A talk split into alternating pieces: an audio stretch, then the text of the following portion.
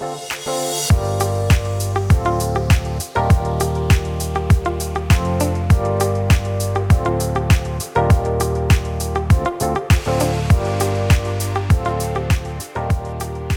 välkomna till ett nytt avsnitt av Högräntepodden. Det är jag som är Stefan Westfeldt. Och jag är Gustav Andråke. Ja, idag tänkte vi prata om räntekurvan och som också har varit inverterad de senaste veckorna. Yes. Även om den Ehm. är plus just nu. Även om den är plus just nu precis. Och det har varit ett väldigt händelserikt år. Vi har, hade en omikronspridning här i början på året som eh, var nästan eh, utom kontroll. Ja. Och så kommer det ett krig. Och så när vi marknaden precis har hanterat det så är det dags för det här då. Ja. med Inverterade räntekurvor.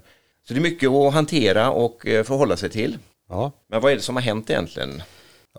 Det är ju att de, de korta räntorna har ju snabbt gått upp med, på grund av inflationen som vi har sett de sist, det sista året egentligen. Så de korta räntorna nu börjat stiga ordentligt och de långa räntorna har fortsatt varit låga. Så relationen mellan den korta och den långa räntan och det är tvååringen mot tioåringen som är det de flesta tittar på. Så när vi säger korta då menar vi tvååringarna för att de där riktigt korta tremånadersräntan de styr centralbankerna då. Och de har ju inte Ja. riktigt börjat gå upp än då för de har inte höjt så många gånger än. Nej, det stämmer. Fed har höjt en gång och Riksbanken ingen än då.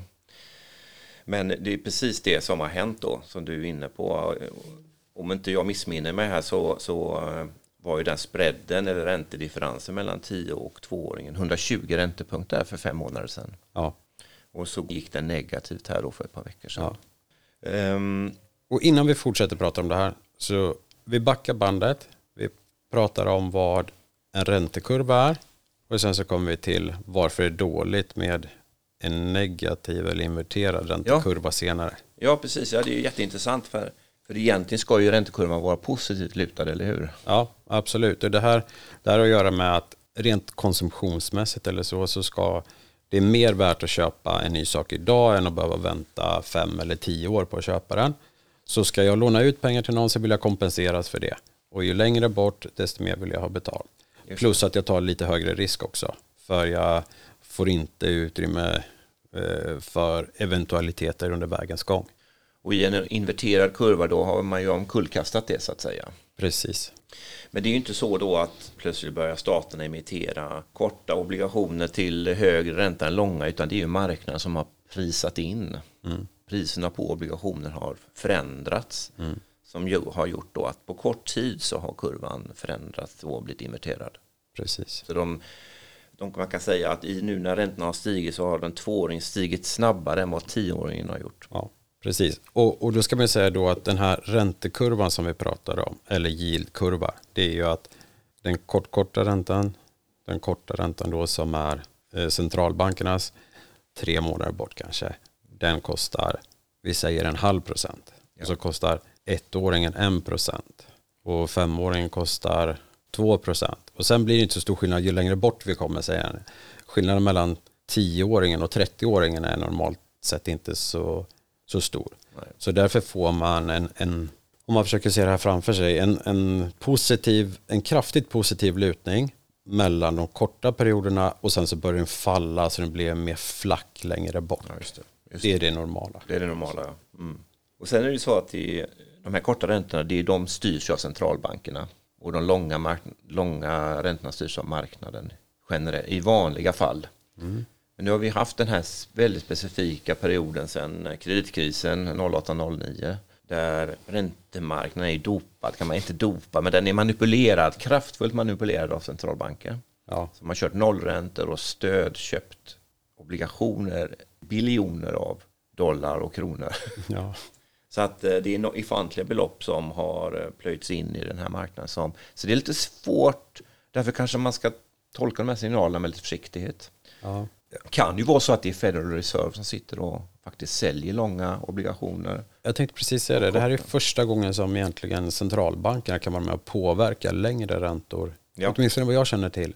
Jag, jag tror inte de har haft det tidigare på egen balans liksom, eller så att, att de själva har haft tillgångar i, i långa räntebärande papper som de faktiskt kan sälja med den, den här kvantiteten som gör att man faktiskt kan påverka de långa räntorna också. Mm.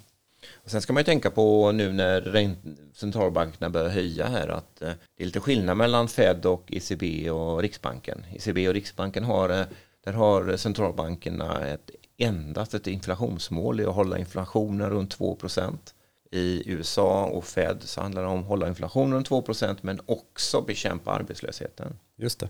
Och det betyder ju den här specifika situationen vi är nu, den amerikanska arbetsmarknaden är jättehet, arbetslösheten är låg.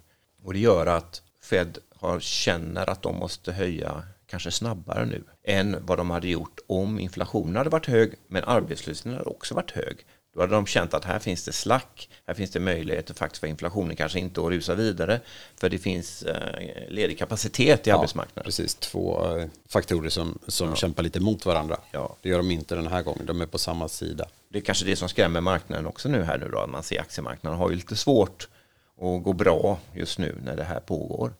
Och det snackas om att Fed ska höja 50 punkter ett par gånger möten i rad här nu till exempel. Det är just på grund av detta. Samtidigt ska vi nämna att inflationen är inte riktigt lika hög i Europa och i Sverige som i USA. Så det finns en möjlighet och det sa ju ECB faktiskt vid sitt förra möte nu eller senaste mötet att eh, man blev, sköt det lite grann framåt i varje fall. Att första, första höjningen kanske kommer i december i år. Med utrymme för kanske redan i september. Men det kommer i alla fall inte innan sommaren och under sommaren. Men sen är det ju det här också, man ska också känna till när det gäller räntekurvan, att den är ju länkad till konjunkturcykeln. Det är ju så att när vi är i en lågkonjunktur så vill ju centralbankerna gasa så mycket de kan. De vill sänka räntorna så kurvan blir mer steep eller eh, Ja, brantare. brant, brantare helt enkelt. Och sen allt eftersom... Framförallt, framförallt egentligen så det blir billigt att låna pengar nu. Ja, det är det man försöker göra. Man försöker sänka kostnaden för att låna pengar. Så företagen väljer att investera. Det blir mer investeringar, det blir mer arbetstillfällen och så vidare. Det, Ja, det är ja. det normala. Och sen allt eftersom ekonomin förbättras så kan man höja räntan igen och samtidigt så kanske då investerarna börjar säga oj, oj, oj, nu höjer de räntan här, då kanske det blir sämre om några år och, eller längre bort och då vill, man, då vill man köpa de här långa obligationerna för det, tillväxten längre bort blir sämre. Och så, så flackar hela kurvan. Så, så, så håller kurvan på egentligen rent, så håller den på över konjunkturcykeln. Men det som är intressant då på senare år är ju att konjunkturcykeln har blivit mindre tydlig. Eh, och det vissa ekonomer menar ju till och med att konjunkturcykeln är död. Och det, det, det är väl kanske lite provocerande. Det tror vi inte, kanske inte, i alla fall inte jag på. Nej, nej. Och- Däremot så kan vi nog se att tidigare har ju eh, tillverkning varit ganska intensivt i arbetskraft. Att det har varit många anställda för att tillverka en bil eller liknande. Ja. Idag så är det mer robotar där och fler anställda istället i tjänstesektorn som har vuxit massor. Så inom industrin så fungerar det inte på riktigt samma sätt. Du har din maskin, du har redan köpt den, det är inget du kan säga upp. Du kan sälja den om du vill. Men det kanske inte är så att du har så många andra tagare heller. Det är faktiskt så att om man ska se, den biten hamnar mer på individen. Det är individen som drabbas av en lågkonjunktur. Det är bolagen också, men av att bli uppsagd Just på det, ett just annat det. sätt. Och du vill inte heller säga upp personal som har rätt kunskap. För när konjunkturen är tillbaka igen så tar det ganska lång tid att lära upp folk och hitta rätt personal och så vidare. Exakt. Så det Så, så det är stor skillnad. Titta på 80-talet då man, det var ju massuppsägningar när lågkonjunkturen slog, ut, slog till. Det ser vi, har ju inte vi sett de senaste 20 åren på det viset. Nej. Jag skulle säga att den långsamma, stora konjunkturcykeln med kanske högre topp, lägre botten. Idag är det mindre svängningar på höjden, men de förekommer oftare, högre frekvens. Högre frekvenser, de- det sk- går mer upp och ner på det viset. Men, men svängningarna är inte lika kraftfulla. För Ser du på BNP över tid så varierar den mindre nu än på 70-80-talet. Och det beror ju också på att serviceindustrin, serviceindustrin är ju mycket större idag än någonsin. Och det är klart att serviceindustrin är inte lika cyklisk som eh, industriproduktionen är. Nej. Om vi bortser från pandemin. Ja, precis. Och det var ju verkligen en, eh, en chock. Men kanske inte en eh, konjunkturcykel egentligen. Då. Nej. Men varför är det nu så stor uppståndelse då med att kurvan har inverterat?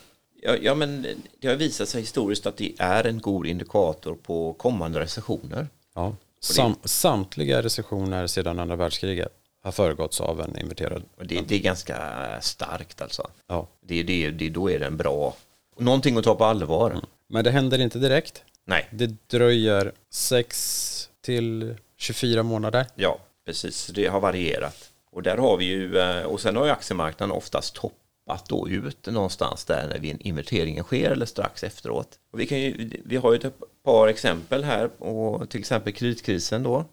Så i augusti 2006 inverterade räntekurvan i USA och efter att Fed har höjt ett antal steg och eh, bostadsmarknaden började vika då blev folk, marknaden orolig och inverteringen skedde. Men det tog faktiskt 16 månader innan recessionen eh, inträffade och aktiemarknaden toppade faktiskt oktober 2007 så det var många månader senare. Så, det, så, så detta visar att man ska inte få panik bara för att det har inverterat. Det måste betyda att det inte är finansbranschens fel att finanskrisen kom, det är Feds fel. Ja, ja, ja. man kan säga så här att uh, hade Fed inte gjort det så kanske det hade blivit ännu mer spekulation och galenskap. Ja.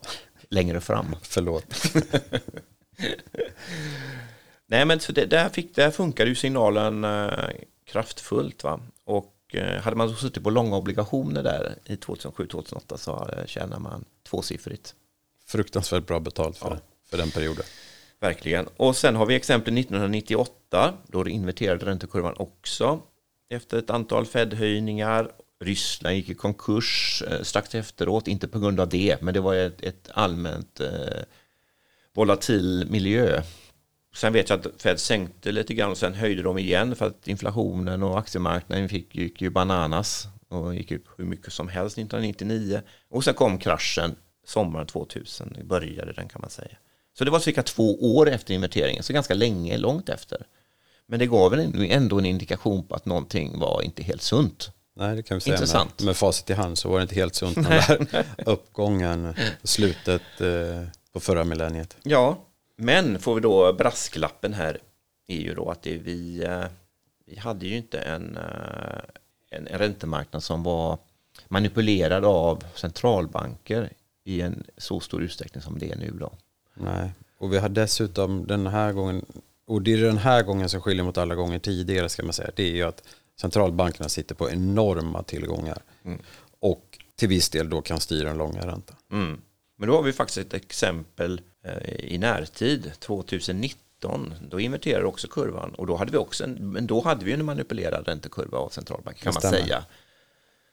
Och vad hände då? Jo, eh, efter ett antal Fed-höjningar så fick vi den här inverteringen och medan Fed höjde där 18-19 så gick aktiemarknaden sidledes. Ja. Eh, inga stora fall på något sätt. Men, och vi fick också en sättning i makroekonomin men ingen stor sättning. Och sen så kom pandemin mars 2020 men det hade ju inte så mycket med. Det visste ju ingen obligationshandlare att det skulle komma en pandemi. Nej, och vi hade inte alls den inflationen som vi har nu. Jag tänker om jämför med den här gången. Det är därför som man inte höjde räntan fullt så mycket och marknaden inte heller fick panik. På samma fick sätt. inte panik precis. Och Fed började ju faktiskt sänka räntan lite på 2019 och då, då började ju aktiemarknaden dra iväg. Ja.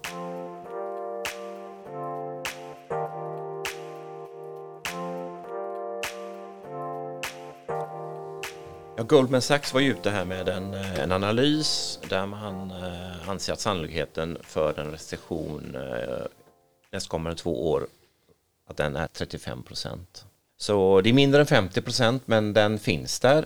Och eh, vad som talar emot att det blir en recession menar Goldman då det är att eh, det har en, eh, en arbetsmarknad nu som äntligen har blivit mer normaliserade. Det tog två år av pandemi mm. som har verkligen varit tuff mot servicesektorn. Men nu ser vi en normalisering där och det, den kraften eh, kommer hålla i sig och hålla, hålla arbetslösheten låg, vilket är bra för konjunkturen så att säga. Eh, där kan vi, vi lägga till att vi ser ju också att de här finanspolitiska satsningarna i Europa på energiutbyggnad gör sig oberoende av Ryssland och försvarsuppbyggnaden är eh, också BNP tillväxtdrivande.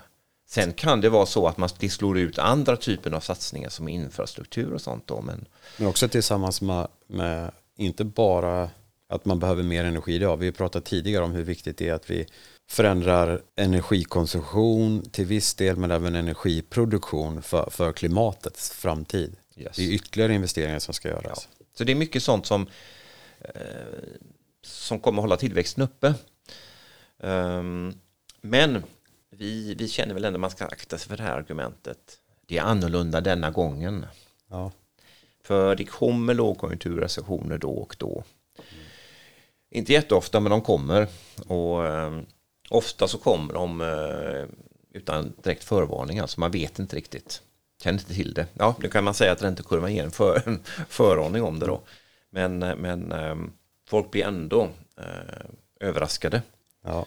Och, och ja, man måste ju nästan dra parallellen till 2006 där när, för de som kommer ihåg då, då snackades det mycket om den nya ekonomin och Volvo skulle, börsvärdet skulle upp, eller kursen skulle upp till eh, 1000 kronor och de skulle ta över hela världen kändes det som. Det fanns väldigt mycket superoptimistiska analyser som kom från väldigt stora banker. Så det var ju väldigt få som trodde att det skulle bli en recession. Det var därför tror jag som aktiemarknaden höll i sig så väl som den gjorde. Men sen kom det ju en riktig kalldusch då. Mm. Så man ska akta sig lite grann för det är annorlunda denna gång. Så det kan vara smart här att ta till sig detta, ta detta på allvar. Är man en försiktig person, bli lite mer defensiv. Ja. Är man riskavärt, alltså att man inte tycker om att, jobba med risk ut i det yttersta, mm. utan man sover dåligt om mm. natten mm. och så vidare. Mm. Då kan det vara vettigt att, att börja frigöra lite likvida medel eller mm flytta en del av sina högriskpositioner in i lite mer mellan eller låg risk. Precis, och jag menar, man kan ju dra paralleller med när vi hade inverteringen för några år sedan här. Och då, då gick ju faktiskt den nordiska högräntemarknaden bättre än aktiemarknaden under så länge Fed höll på att höja räntan. Mm.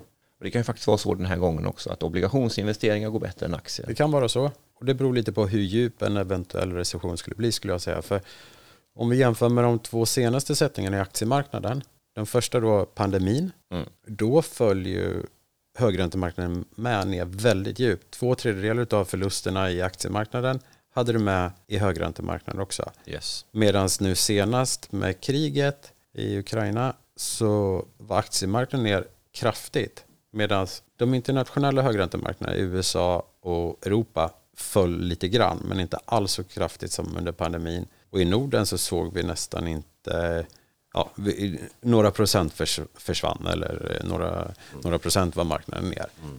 Så det beror lite på hur kraftigt det är. Just det.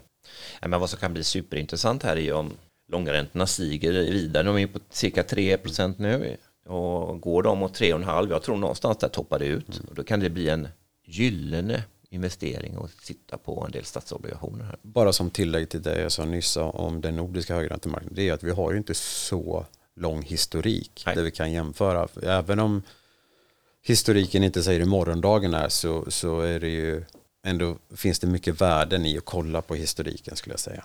Så är det. Ska vi runda av lite där? Vad är vi bevakar nu, eh, Gustav? Ja, givetvis så är det ju inflationen fortsätter följa med. Vi ser fortsatt höga energipriser. Ja. Eh, konsumenternas förtroende eller vad man ska säga framtidssyn på sin egna ekonomi är lika låg som mm. vid finanskrisen. Ja. Så konsumtionen kan bli lidande på grund av ett visst ökat sparande, skulle mm. jag kunna tänka mig. Mm. Och det, det är sånt som man måste hålla koll på. Ja. För även om man då lyckas trycka vidare inflationen som, som företag till slutkonsument så, så är jag orolig för att om man är så negativ så går man inte och köper en ny kyl om den kostar 30% mer än vad den gjorde förra året utan kanske hoppas på att den ska bli billigare igen när komponentutbudet som ligger bakom mycket av inflationen just nu skulle mm. jag säga. Mm. Eh, när komponentutbudet är, är bättre igen. Mm. Och sen kollar vi på rapportsäsongen givetvis. Absolut. Hur, hur mycket har vinstmarginalerna pressats mm. av den här miljön vi är inne i nu?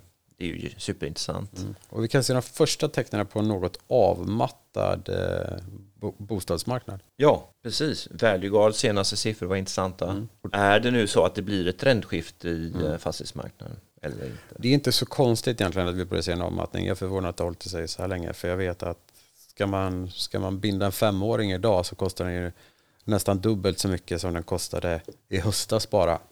Det är nästan 100% mer ränta på en femåring. Alltså mm. som du ska betala i kronor i, i slutändan. Precis. Eh, så det, det tror jag kommer svida plånboken tillsammans med energipriser. Ja men så är det. Eller tror, tror, det vet vi Just det. Det är många av oss som har betalat elräkning i november, december, januari.